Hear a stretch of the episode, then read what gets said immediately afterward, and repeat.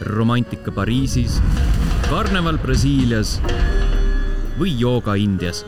meie ütlemegi sulle, mis võiks olla sinu järgmine peatus. tere, head kuulajad, teiega on Õhtule reisi podcast Järgmine peatus ja mina olen Liina Metsküla. tänase saatekülaline Hiieliin Tamm räägib meile Lissabonist, kus ta on siis nüüd juba täitsa mõnda aega veetnud, teiseks koduks lausa nimetad vist. tere, Hiielin! tere, Liina! Ja hetkel küll olen Eestimaal, aga jah, vahepeal sain kutsuda Lissaboni täitsa teiseks koduks, et oli, oli tõesti väga kodune seal olla juba. aga mis sind sinna Lissaboni siis üldse viis? mis ta sinna viis, nagu alguses nagu kõiki teisi, niisugune Portugal, soe, ilus ilm, koht, kus pole käinud et äh, täitsa tavalised põhjused, miks ma sinna alguses läksin üldse paar aastat tagasi. Äh, aga miks ma sinna võib-olla jäin, oli lihtsalt niisugune huvitav äh, elu saatuse mäng, et ma alguses läksin küll kaheks kuuks seal kaugtööd sinna tegema, aga siis sain tuttavaks seal oma elukaaslasega, kes seal, praeguseks siis elukaaslasega, sellel ajal siis mitte, kes seal siis elas ja seetõttu ma tegelikult ka sinna siis tagasi muudkui läksin ahaa, et alguses siis äh, oli lihtsalt see kaugtöö ja pärast oli siis juba armastus oli peale tulnud ja. just, et äh, ütleme, tegelikult Portugal on alati mulle juba olnud niisugune koht, kuhu võiks minna. Äh, huvitaval kombel on mul kaks või kolm korda lennupiletid sinna tühistatud, ehk siis ma pole sinna läinud. vahepeal tuli koroona ja siis jah, kaks aastat tagasi peaaegu, eks siis kevadel mu sõbranna õde oli seal Erasmusega ja siis mõtlesime, et okei okay,, et nüüd tundub olevat hea aeg, et äh, ikkagi natuke sealt kaugtööd teha ja vaadata, mis Portugalis veel põnevat toimub no äh, kui ma ei teaks, siis ma küsiks, et äh, no kuidas siis on eestlase ja portugaallase suhe, aga ma tean, et ta ei olegi portugaallane, su elukaaslane. kuidas sa siis selle teise välismaalase otsa seal sattusid hoopis? ja huvitaval kombel on ta hoopis lätlane, et kas oleks samast Eesti lähedalt võinud ta ju leida? jaa, see on jah, niisugune naljakas lugu äh, selles mõttes, et äh, kohe alguses, äh, kui ma sinna läksin, siis mõtlesin, et kui ma olen varem ka palju reisinud, aga kohtingu maastikul pole väga nagu avastanud, pole nagu otseselt ka huvi olnud,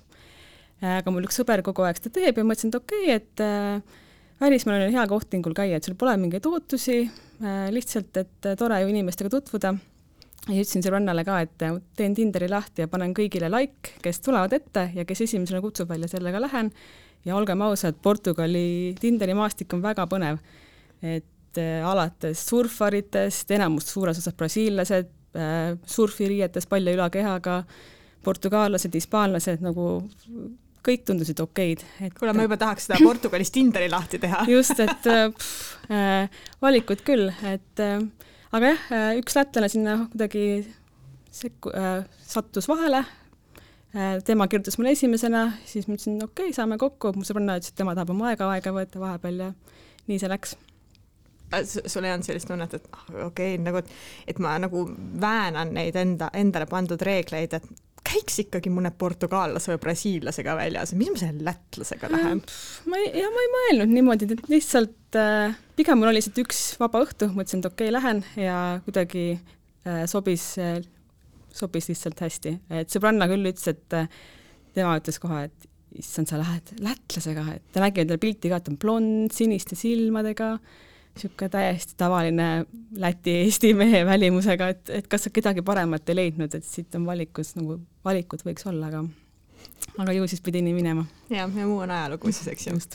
no äh, lähme sinna Lissaboni teema juurde ja Portugali teema juurde, et äh, lugesin su blogi hiieliinreisib.com või .ee või mis ta on? jah, .com. .com, väike reklaamihetk kohe siia ähm, ja leidsin sellise lause et Portugal on hetkel üks diginomaadide kõige kuumemaid kohti Euroopas. miks see nii on? ja võib-olla tegelikult alustame sellest, mis asi on diginomaad, kes ei tea äh, jah, diginomaad, äh, kui otse tõlkida või digirändur on vist eesti keeles see päris korrektne väljend, et põhimõtteliselt on inimene siis, kes äh, reisib ja töötab samal ajal. ehk siis suures osas teevad tööd arvutist inimesed kuskile mujale. aga jah, Portugal ühelt poolt, et diginomaadide kuum punkt ja üldse välismaalaste kuum punkt, kes sinna kolivad nii-öelda püsivamalt ka tegelikult võib-olla siis äh, mitte ainult diginomaadid, kes on, rohkem liiguvad ringi, aga, aga hetkel tõesti see nii on, näiteks neid põhjuseid on päris palju, alustades võib-olla sellest, et Portugal ise äh, väga suurt reklaami endale teeb sellena, et neil kui see eelmine majanduskriis oli, siis see, neil läks päris kehvasti see olukord, ehk siis pärast seda nad hakkasidki nende ennast kuidagi sealt välja kaevama ja, ja kuidagi selle digi, digimaailma enda jaoks leidsid, ehk siis Portugalis on üsna head näiteks IT-ülikoolid ja ehk nad siis tahavadki meelitada kõiki sinna, tulge siia elama, see on koht Euroopa ja Ameerika vahel alustades sellest, lisaks siis näiteks on seal, kui rääkida, seal on väga palju ameeriklasi ja võib-olla inimesi mitte Euroopast, siis see on üks kõige lihtsamaid kohti, kuhu saab minna äh, elama. Kui sa tahad tulla Euroopa viisat saada või elamisluba pikemalt, siis üks koht, kus seitse aastat seal elad, teed äh, selle elamisloa ja see on üks kõige lühe, lühemaid kohti nagu Euroopas ja saadki Euroopa Liidu äh, elamisloa põhimõtteliselt. Et üks põhjus, miks inimesed sinna praegu lähevad, on see ja teiseks äh, kõik räägivad head inglise keelt, kõik võimalused on nii-öelda, ilm on hea, suur rahvusvaheline kommuun, Lissabon pole liiga suur, pole liiga väike, väga palju tegevust ja, ja varem ta oli ka väga, üsna odav, ehk siis see kindlasti tõmbas ka võrreldes Hispaania, Prantsusmaa ja niisuguste riikidega seal ümber ma seda elamisloa kohta tahtsin täpsustada, kas ma sain õigesti aru, et ütleme näiteks ameeriklane või noh, mis iganes mm -hmm. muu rahvusest äh, väljaspool Euroopat eh, tahaks siis saada mm, Euroopa sellist, äh, ma ei tea, kas Schengeni on õige siin öelda või, või noh, ütleme Euroopa siis elamisluba ja kui ta taotleb seda Portugalis, siis on see lihtsam või, või kuidas, mis, mis täpselt jah, nüüd on neil üldse veel uus diginomaadi viisa, mis on siis ma isegi ei tea, mis perioodiks on, aga pikem periood kui mujal, aga varem on jah, niisugune teine D5, D7 viisa, mille alusel nad saavad siis seal pikemalt viibida. Ja kui sa juba elad seal seitse aastat, teed keeleeksami, siis põhimõtteliselt sul on võimalus taotleda jah, nii-öelda püsivat elamisluba Euroopas ja et mujal riikides on see tunduvalt nii-öelda pikem periood ahaa, väga, väga huvitav äh, nüanss äh,. mainisid seda hinnatemaatikat, et varem mm -hmm. oli ta hästi odav, nüüd siis enam ei ole või, mis seal juhtus? Äh, no seesama asi juhtuski, et äh, jah, ütleme kohalik keskmine palk on üsna madal, ma isegi täpselt seda numbrit ei tea, aga see on kuskil seal tuhat seitsesada eurot bruto ja seal on ka päris kõrged maksud, ehk siis äh, juhtuski see, et tulid välismaalased, töötasid mujale riikidesse, nende meelest kõik on super odav ja niimoodi need hinnad tõusevad, et inflatsioon oli suht kõrge, eriti just rendi mõttes et äh, rendihinnad alust al,, alust, alastes kuskil tuhat eurot, äh, tuhande euroga võib-olla väga ei saagi enam kesklinnas midagi, isegi ühetoalist kohta. ehk et, äh, et põhimõtteliselt jah, ütleme need välismaalased, kes sinna on tulnud, et need on need hinnad üles ajanud. Tuhat eurot ei saa ühetoalist korterit? ei. Vau, räägime nendest rendihindadest, mis, mis asja, mis olukord seal siis valitseb, mis hindadega tuleb arvestada ja kuhu ja, ja mis? no kui ütleme ausalt, kohalik portugalane Lissabonis enam väga kohta rentida ei saa, ehk siis lihtsalt kohalikud on seal nagu juba äärelinnades kuskil, kui tahad kesklinnas midagi rentida,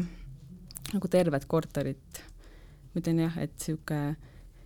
ühe-kahe, ühetoaline algab kuskilt võib-olla tuhat eurot, kahetoaline juba niisugune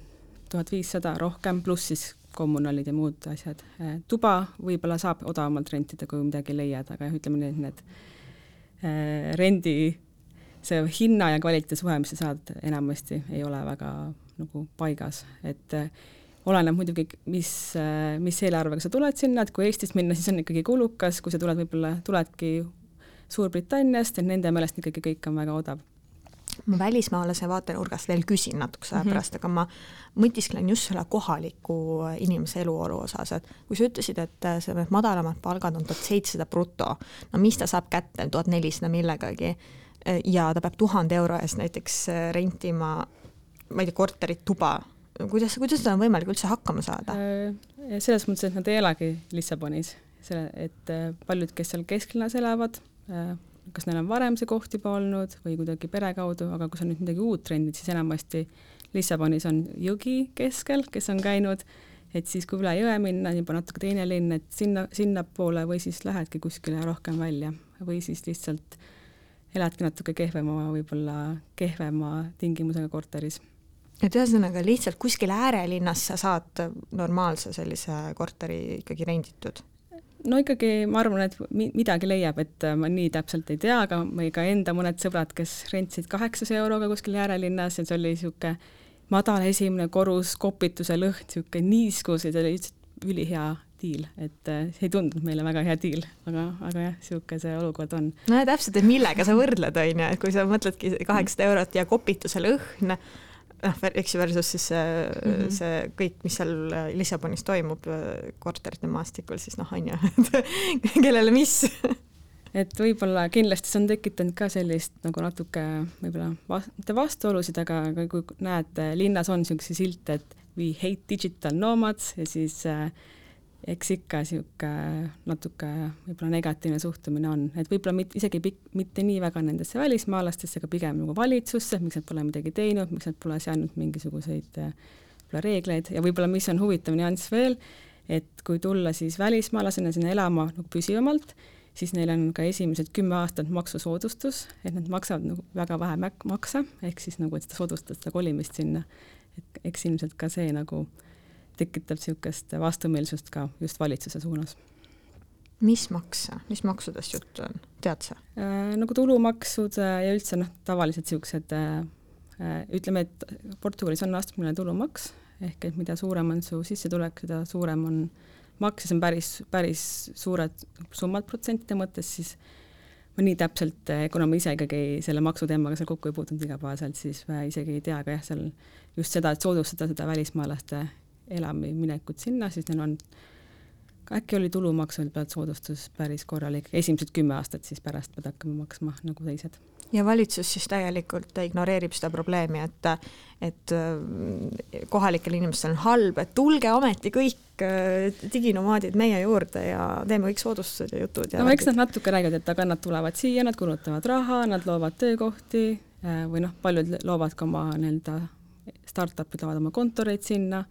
ehk et äh, nad võib-olla rohkem siis üritavad sellest vaatenurgast äh, seda presenteerida. Äh, portugallane Lissabonis ise naljalt korterit osta ei jõua või jõuab? no kesklinnas kindlasti mitte, ma arvan, et äärelinnas ikkagi on variante ja, ja oleneb muidugi sissetulekust, et kui sa, mis valdkonnas sa töötad, et ikkagi niisugused, kes töötab ka IT-sektoris, neil on, on ikkagi kõrgemad palgad, kes töötab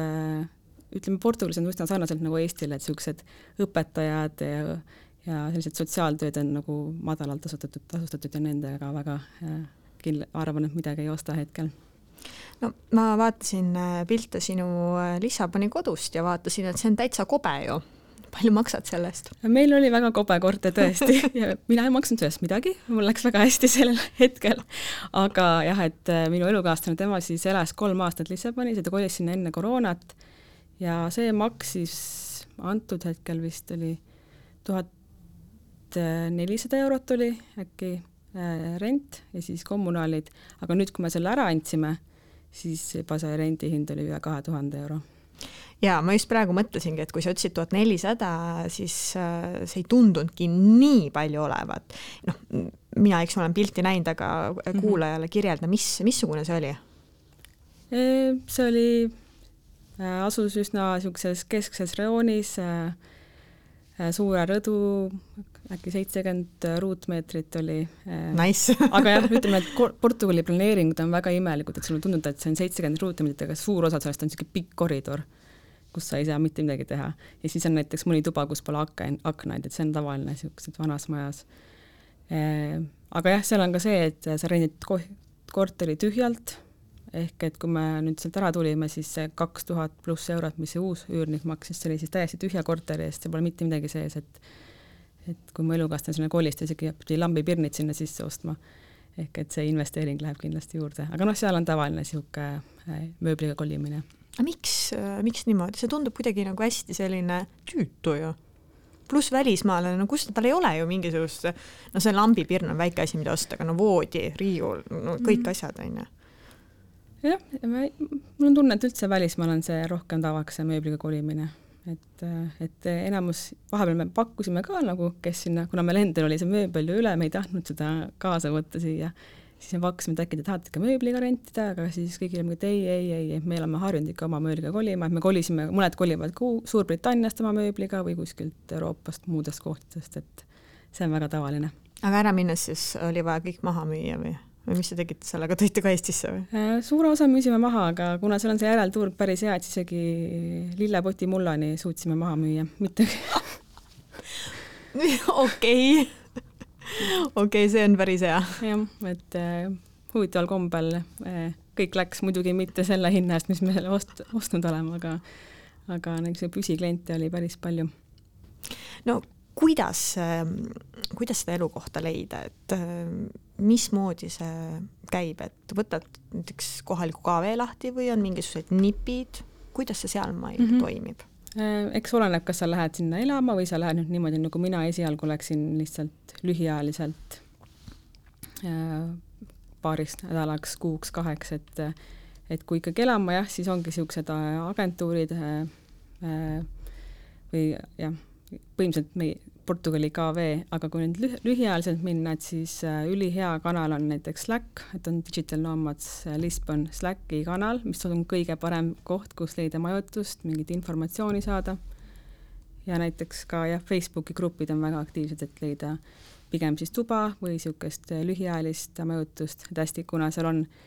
paljud ikkagi reisivad ja nad nii-öelda rendivad oma korteri välja selleks ajaks, kui neid ennast pole, ehk siis äh, sealt võib leida äh, päris äh, mõistliku, mitte hea hinnaga, aga mõistliku hinnaga aebimist nagu lühikeseks perioodiks no enne seda, kui sa elukaaslasega kokku kolisid ja sinna fancy'sse korterisse pääsesid siis sul oli ju mingi enda kodu ka, onju? Või, või olid mingisugused sellised nagu lühemad mingid to perioodid toakestes või kuidas sellega? jaa, lühemad, et me alguses olime ühes niisuguses co-living us, et mis on co-living, on ma olen mõelnud, kuidas seda eesti keeles hästi seleta. koos elamine või? selline koos elamiskorter. aga nagu põhimõtteliselt nagu korterikaaslased siis? no põhimõtteliselt on sellised kohtad, kohad, kus on nagu organiseeritud äh, korterid nii-öelda, kus, äh, kus ta ei ole nagu, sa lendid nagu jah, korteri ühes niisuguses majas, kus on lisaks ka lihtsalt, lihtsalt korter on mingi kommuun äh,, niisugune tööruumid, üritused äh,, ehk et äh, hea võimalus ka tutvuda teiste inimestega, kes teevad kaugtööd, ehk siis ma alguses olin sellises kohas. no põhimõtteliselt ma saan aru, et see on ikkagi justkui äh, korterikaaslased on sul seal või, või mis see erinevus no, on tavalise korterikaaslasega elamisega? no erinevus on see, et kui sa läheksid sealt Airbnb kaudu, sa elad kuskil üksinda kuskil korteris äh,, oledki seal omaette, siis lähed sinna co-living usse, jah, seal on suur korter, seal on, oletame, neli korterit selles ühes, neli tuba ühes korteris, tavaliselt on seal näiteks kolm-neli korterit ja siis, aga, aga lisaks on seal siis niisugune community manager, kes nii-öelda natuke pakub sulle võib-olla hotelli moodi teenuseid, näiteks ühine hommikusöök, seal on mingid üritused seal äh,, erinevad äh, näiteks äh, jah, ongi.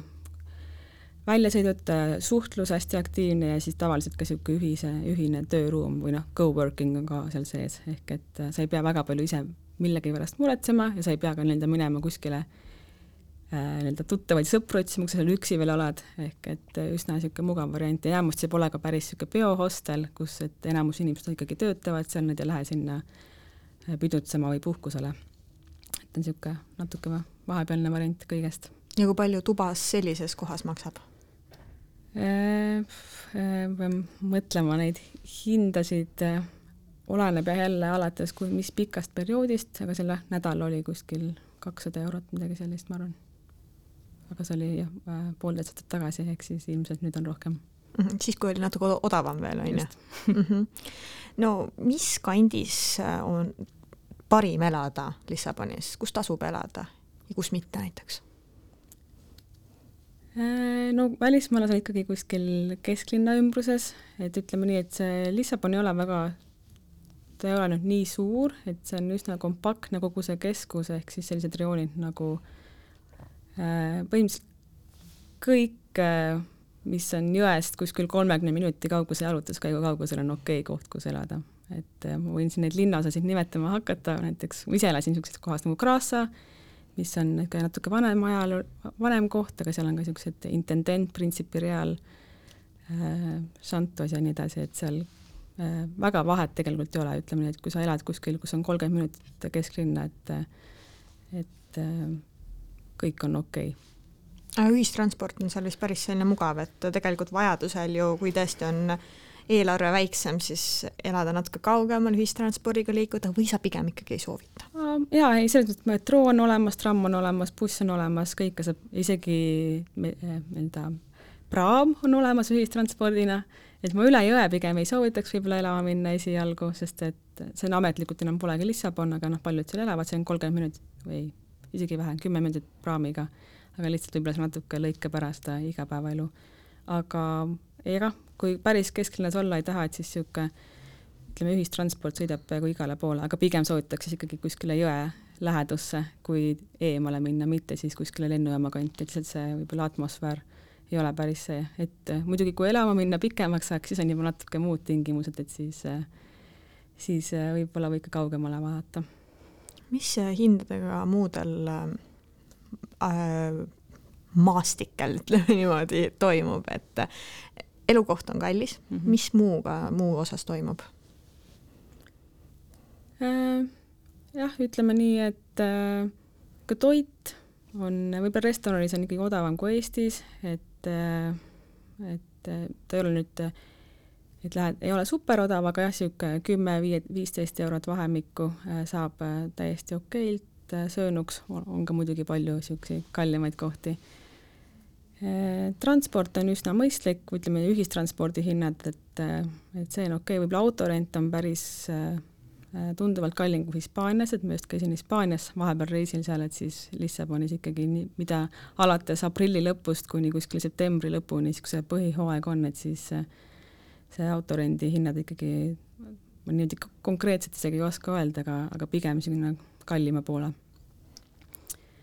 ja muud hinnad äh,, ütleme, üldiselt ma tundsin, et nagu Eestis, natuke odavam lähen poodi, ostukorv tuleb äh, pigem odavam kui Eestis. ja seal on, seal on mingid asjad, mis on odavad, mingid on kallimad, et võib-olla vein on väga odav, kohvi on odav, hea kohvi, saad äh, kvaliteetset kohvi ühe-kahe euroga, pole mingit probleemi. ja, ja mingid niisugused kohalikumad saadused, puuviljad, kõik need on ikka odavamad, aga, aga üldiselt, kui me niimoodi igapäevaselt vaatasime, et siis äh, suhteliselt sarnane kuidas on kõige mõistlikum äh, Lissabonis äh, liigelda, mis transporti me täpselt siis kasutaks, et äh, erinevatesse kohtadesse jõuda? kindlasti mitte auto, seda ma ei soovita, see on, Lissabon on ehitatud kaheksa mäe otsa või noh, ametlikult seitsme, aga tegelikult on neid kaheksa ehk ehk et tänavad on üsna kitsad, liiklus on tihe, et kui võimalik, siis autoga ma väga ei soovita seal kesklinnas liikuda vähemalt, et väga lihtne on niisugune metroo, buss, tramm, et äh, need kolm kõik, äh, kuhu minna vaja on, et saab mindud, et ja takso on ka väga odav. et Bolt äh, ja Uber on mõlemad seal jah, et lennujaamast kesklinna kuskil viis kuni seitse eurot on täiesti okei okay. aga autoga seal kesklinnas ikka liigeldakse või, või sa põhimõtteliselt ei näegi kesklinnas autosid? ei, ikka on, liigeldakse, lihtsalt sul pole väga seda kuskile parkida. aga need on kohalikud pigem või siis turistid, kes, kes ei tea, et see ei ole hea mõte? Eks see on kõike, ma arvan, et äh, need, kes turistid kesklinnas elavad, nad üldiselt ikka autoga ei liigu seal, et eriti just vanalinnas, et noh, vana, vanas Lissabonis ehk siis see Grassa, äh, Alfama, mis on, ongi reaalselt siis niisuguse künka otsas, väga kitsad tänavad, et seal on parkimisega lihtsalt väga keeruline. ja lihtsalt, ja kogu, kõik need tänavad on ühesuunalised, ehk siis ei ole kõige mugavam, aga, aga samas ma ei ütle ikkagi, kui võrrelda kuskile Itaalia hullumeelse liiklus, liiklusstiiliga ikkagi Portugalis on ikkagi minu, minu meelest tunduvalt mõistlikum kõik see, et kui vaja sõita on, et siis nagu selle taha ei jää kindlasti. aa, portugaallased sõidavad siis rahulikult või? mitte rahu, no minu, minu meelest oli okei okay., et oleneb, millega, millega võrrelda. jah, oleneb millega võrrelda, et võib-olla Lissabonis on natuke äh, ärevam see, kuskil Lõuna-Portugali poolel juba on täiesti okei okay, ja kui linnast välja minna, et seal on niisugused kiirteed ja on ka väiksemad teed, aga, aga kõik toimib suhteliselt hästi, et eh, ma arvan, et igaüks saab sõidetud, kes, kui vaja on. no jõudsime arusaamisele, et Lissabonis eh, pigem autot mitte rentida, eh, aga kui ma tahan Lissabonist välja minna, kuidas siis olukord on, et pigem autoga või saab näiteks ka ühistranspordiga erinevaid ägedaid kohti nähtud? jaa, päris palju kohti on, kuhu saab minna ühistranspordiga, et ei olegi autot vaja, et alustades kõige populaarsem, mis on Sintra. Ja, ja on ka niisugused väiksed linnad nagu Obidos ja Nazaré ja siis seal teisele poole on ka veel, on Cascais ja, ja rannad, et kuhu saab täiesti minna ühistranspordiga, enamasti rongiga. Aga jah, kui minna natuke võib-olla turistikohtadest eemale minna, et siis oleks ikkagi autot vaja, et näiteks Lissabonist on ülipalju randu, kuhu minna allapoole nagu lihtsalt või noh, neid, seal on mitmeid kümneid kilomeetreid randu, aga parimad nendest on just niisugused natuke võib-olla eraldatumad, ehk siis ja ka matkarajad, et ikkagi selleks oleks hea, kui auto on olemas, et me ise tavaliselt rentsime näiteks kord nädalas või nüüd üle nädala üheks-kaheks päevaks, et kuskile minna matkale või randa või niisugusesse kohta. sobib Lissaboni ka ainult rannapuhkuseks või pigem ikkagi minna mingisugused Algarve või, või kas või Madeira saar näiteks mm? -hmm. Nagu ainult rannapuhkus on, ma ütleks, Lissabon on niisugune koht, kus hästi, on hästi mugav kombineerida mitut asja, et kui tahad näha näiteks linna, võib-olla kultuuri äh,, Äh, ja randa, et siis ta on niisugune koht, kus nagu äh, see kõik kokku panna, et kui, kui on ainult rannapuhkuse võib-olla silmes, et tahaks sealt päeviti ujuda, võib-olla Lissabon pole parim koht, esiteks see vesi on seal jahe, et isegi suvel kuni üle üheksateistkümne väga ei lähe et Lissabonis konkreetselt ei ole randa, ehk selleks pead sa sõitma ikkagi paarkümmend minutit rongiga või kakskümmend, kolmkümmend minutit, ehk siis Qashqais äh, on see koht, kus enamasti siis minnakse võib-olla rannapuhkuseks, aga aga pigem, kui on ikkagi rannapuhkus, esimene variant, siis ma soovitan minna jah, lõunasse, Algarve'i. soovita mõni äh, väga ilus rand Lissaboni lähedal näiteks, mida, mida võiks tõesti noh, kas just sinna terveks, terveks puhkuseks minna, aga mida tasuks külastada? ma tean, et sul mingid olid lemmikud terveks puhkuseks, ma ei tea, mis ja et ei terveks mitte terveks puhkuseks, vaid lihtsalt külastada. ja võib-olla niisugused igapäevased rannad, kus me käisime nii-öelda, olid äh,, sinna Qashqais poole, aga võib-olla üks niisugune huvitav koht on Praia da Ursa äh,, mis on Äh, natuke eraldatum, sinna pigem soovitaks minna autoga, et sinna tuleb ka natuke mäest niisugusest alla ronida veel paarkümmend minutit, aga ta on tõesti, ta kindlasti ei ole hea rand ujumiseks, sellepärast ma ei soovitaks seda võib-olla rannapuhkuseks, aga niisugune väga ilus koht ja eraldatud koht ja, ja, ja äh, enamasti ka turistid sinna ei jõua. et äh, kui lähete, et siis soovitan Google Maps'is ära märkida ja vaadata, vaadata. aga kuidas teie siis jõudsite, kui tavaliselt turistid sinna ei jõua? kuidas te leidsite selle koha mm? -hmm ma ei tea, ma surfan erinevates gruppides ja seal ka Slackis ja Facebookis ikka küsitakse, et eh, kuhu minna ja mida teha ja kui sa oled juba pikemat aega seal, siis ikka otsid kohti, mis võib-olla pole esimesed eh, valikud kõigil. no guugeldades kindlasti leiab või noh, leiabki portsu ägedaid Lissaboni vaatamisväärsusi, kõige tähtsamaid vaatamisväärsusi, aga anna mingisuguseid ägedaid nõuandeid, kuhu võiks minna, kuhu nii palju ei satuta, mis on sinu enda lemmikkohad olnud? Okei okay,, see on väga niisugune keeruline küsimus nüüd. oleks pidanud ette hoiatama, jah mm. no mis ütleme niimoodi, mis on sul lemmikkohad Al? alates äh, tõesti mingi looduslikest kohtadest, baaridest, kas või mõni toidukoht, mõni üritus mm. -hmm ütlen minu isikliku arvamuse koha pealt need vaatamisväärsused, mis Lissabonis on, et Lissabon on pigem see, et mõned küsivad ka, et mitu päeva ma seal olen, et sa võid olla seal ka ühe päeva ja lihtsalt vaadata mingeid asju, versus see on pigem koht, kus sa lihtsalt lähed, käid erinevates baarides, naudid, ehk siis ta pigem, sellepärast on raske mul tuua ka võib-olla ühte vaatamisväärsust, aga aga too mitu. aga mis ma võib-olla ise soovitan, kindlasti no, üks minu nagu lemmikasju on, seal on Lissaboni vaateplatvormid, neid on, nagu ma ütlesin ka, et see on äh, kaheksa erineva mäe otsas, ehk siis äh, neid vaateplatvorme on äh, väga palju, alates näiteks Grassas äh,, Principe Real äh,, ja siis ka niisuguse äh,, neid on päris palju, tavaliselt on seal mingid väiksed kohvikud, baarid äh,, ehk et mitte lihtsalt sinna minna nagu aa, teen pildi ära, lähen minema, vaid äh, pigem et seal natuke seda atmosfääri nautida, et, et olenevalt, mis, mis poolel sa oled, on seal päikseloojangud. Ja näiteks mis mu enda võib-olla lemmikpiirkonnad ongi, on niisugune Principe Real, kus on, ta on niisuguseid toredaid baare, veini, veinikohti ja kindlasti see koht, see võib-olla piirkond, kus ma ise elasin, Grassa, et äh, ta ei ole nüüd nii turistikas, aga seal on just niisuguseid pisikesi veinibaare, äh, restorane. Äh, ja mis ma veel oskan öelda, ja võib-olla kui on aega rohkem, võib-olla rohkem kui üks päev, et siis huvitavam kontrast on võib-olla ka niisugune äh, Park de, ma ei oska neid väga hästi hääldada, Park de Nachois, äh,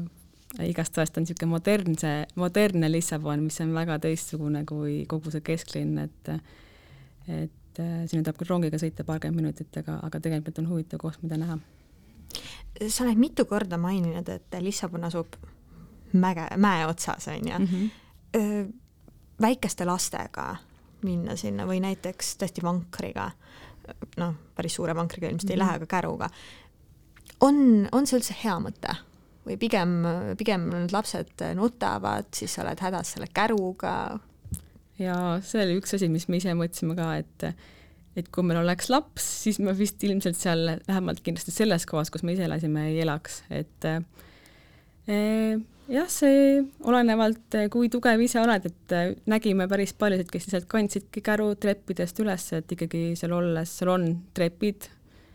igal pool, eh, mäed või künkad ja enamasti need ei ole sellised siledad teed, ehk siis mis see tähendab, ongi ikkagi selle käru vedamine või kandmine, et ise ma olen soovitanud ka võib-olla päris väikse lapsega, pole see võib-olla number üks koht, kuhu kohe minna aga see on hea point, sellepärast et mm -hmm. noh, ongi, et äh, keegi kuulab, mõtleb, oo, Lissabon on ju, teeks ja. väikse äh, perega väikse puhkuse sinna ja pärast on siis hädas, on ju, et ei jõua neid lapsi ära tassida. just, et tegelikult nüüd nad natuke on teinud ka siuksi äh, hetkel nad ehitasid ka paari eskalaatorit, mis viiks nii-öelda nende äh, küngaste külgedele ja on ka väikse, on ka näiteks turistirongid, mis viivad mõnda kohta ülesse et äh, selliseid variante on, aga jah, kui mu ema käis külas ka, et ma küll hoiatasin teda, et pane siis mugavad jalanõud jalga, et siin on meil palju kõndimist, et just need, et mitte lihtsalt kõndimist, aga ikkagi mäest üles kõndimist, aga aga ta oli ka ikkagi pärast, et ei huvitanud teda enam ükski vaateplatvorm, et peaasi, et ei peaks üles minema. Ja tegelikult siis äh, näiteks ka vanemad inimesed võib-olla ei, võib-olla mitte number üks kohana sinna minna. Äh, jah, et sellega peab kindlasti arvestama, et muidugi kesklinnas on äh, ka niisuguseid siledaid kohti, aga, aga üldises plaanis ikkagi künkad on seal põhiline, on teemas. põhimõtteliselt trenni ei peagi minema, et seal treppides ronimine on juba, juba piisav trenn või? Võib ka nii öelda, et näiteks meil endal, me ise elasime ja ka ühe, ühe künka otsas, et siis hommikul läksime trenni, alguses läksid mäest alla, läksid teisest mäest ülesse ja siis tagasi tulid samamoodi, et et see oli juba niisugune omaette äh, jalutuskäik. Ja ka muidu äh, kohutav oli see, et kui, et okei okay,, võiks jooksma minna. Ja siis, mis see tähendab, siis alguses sa jooksed alla, siis jooksed ülesse ja siis see on niisugune jah, neid treppe ma võib-olla ei igatse praegu äh, tõuksid on seal vist ka olemas ju, kuidas tõuksidega seal liigud või ei liigugi või? ei, tõuksid on ka olemas ja liigutakse küll, tundub päris ohtlik tegevus mõnes kohas, sest et nendega liigutakse täiesti igal pool. Äh, ma ei ole kindel, kas see on hea mõte võib-olla turistile es esmakordsele, sest need teed ei ole igal pool nii head, et mingid piirkonnad, näiteks on väga populaarne koht Belem, mis on Lissabonist niisugune ta on ikkagi Lissaboni osa, aga niisugune natuke eemal linnaosa, mis on ilma mägedeta, näiteks sinna minna tõuksiga kesklinnast, väga tore mõte, mööda jõe äärt, et, et niisuguses kohas kindlasti või ka jalgrattaga näiteks, aga võib-olla kesklinnas, kus need künkad on, ma pigem või ei soovitaks lihtsalt oma ohutuse nimel mm. -hmm. No kuskil vist äkki sinu blogis äh, nägin sellist lauset, et äh, ütlesid, et sa justkui ei saa aru, et miks sa üldse Portugalist äh, ära tulid. et äh, kõik on nii mõnus, välja arvatud trepid, eks ju. aga miks siis tulite? jaa, vahepeal ikka mõtleme veel sellele, aga võib-olla, mis meil sai määravaks, on ikkagi see, et äh, üks asi on seal tore on seal käia ja olla, teine asi on, kui nagu nüüd päriselt äh, seal elada, et äh, Lissabon on tore küll, on tore kevadel, on tore sügisel, suvel on natuke liiga palav. talvel seal ei ole nii tore, alus-, alustades sellest, et äh, seal sajab ikkagi vihma novembrist kuskil märtsi alguseni päris korralikult, mis tähendab siis seda, et et toad on väga rõsked, väljas on rõske ja seal ei ole sellist asja nagu keskküte, vähemalt või uuemates majades on, aga ikkagi vanemates ei ole, ehk et need korterid on külmad rõsked, minu, minu november nägi välja seal koos õliradikaga, kõndisin ühest toast teise. väljas on tegelikult okei okay,, väljas on üheksateist kraadi, aga toas on lihtsalt niisugune äh, toas jääb see kuskile siukse, lihtsalt see rõskus on see, mis ilmselt mõjutab ja näiteks ka see, et talvel meid kaks kuud ei olnud seal ja läksime tagasi äh,, korteris on hallitus, mis on väga tavaline äh, seal sellistes kohtades, noh üldse ilmselt Lõuna-Euroopas on seda rohkem. ehk et äh, üks asi saigi selleks võib-olla määramiseks, me mõtlesime, et meile meeldib siin olla kevadel ja meeldib siin olla sügisel. Aga me Eestis võiks olla suvel ja siis talvel võiks kuskil mujal olla, et kas me siis peame omama korterit äh, kuskil Lissabonis veel selleks, et ilmselt see oli niisugune üks põhiline põhjus. Ja, ja muidugi ka muud sellised asjad, et kui see, üks asi on see, et sa käid seal, teine on siin see, kui sa elad seal, et siis äh, noh, tulevad näiteks mõned bürokraatlikud asjad äh,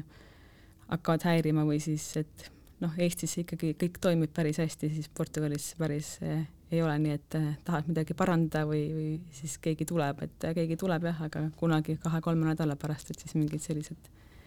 äh, asjad äh, äh, mõjutasid ka, aga jah, pigem ikkagi see, et äh, jah, et ei olnud mõistlik omada korterit, et elada sügisel ja kevadel kuskil Lissabonis. Nii et äh, kes nüüd kuulab seda ja mõtleb, et oh, teeks selle Lissaboni tripi ära, siis pigem nagu nende piletid, pileteid äh, sihtida sinna juba märtsi, eks ju, et kuskile sinnakanti. nüüd meil ju november juba. jaa, märtsi lõpp on päris hea, tegelikult novembri, november on niisugune, küsitakse ka vahel, et kas see on okei okay., tegelikult ilm on hea, sa lihtsalt, kui sa oled seal nädal aega, see võib olla nädal aega vihma, see võib olla ka nädal aega mega head ilma, ehk sa ei saa selle peale kindel olla, aga novembri algus on